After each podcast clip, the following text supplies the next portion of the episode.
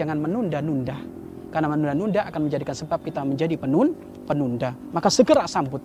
Amal kebaikan ini segera sambut, sambut. Kapan nanti amal kebaikan ini sudah disambut, maka akan menumbuhkan amal kebaikan lagi. Kita sambut lagi, menumbuhkan amal kebaikan lagi. Sambut lagi, menumbuhkan amal kebaikan lagi. Sampai kebiasaan dari para ulama, dari orang-orang soleh. Tatkala terbesit di dalam hatinya rasa semangat di dalam mendekatkan diri kepada Allah, atau terbesit ingin melakukan amal kebaikan. Karena ingin tidak menunda sampai ulama mengatakan bahwasanya tatkala terbe terbesit dalam hatinya untuk melakukan kebaikan beliau bercerita kepada anaknya tolong saya ingin melakukan ini.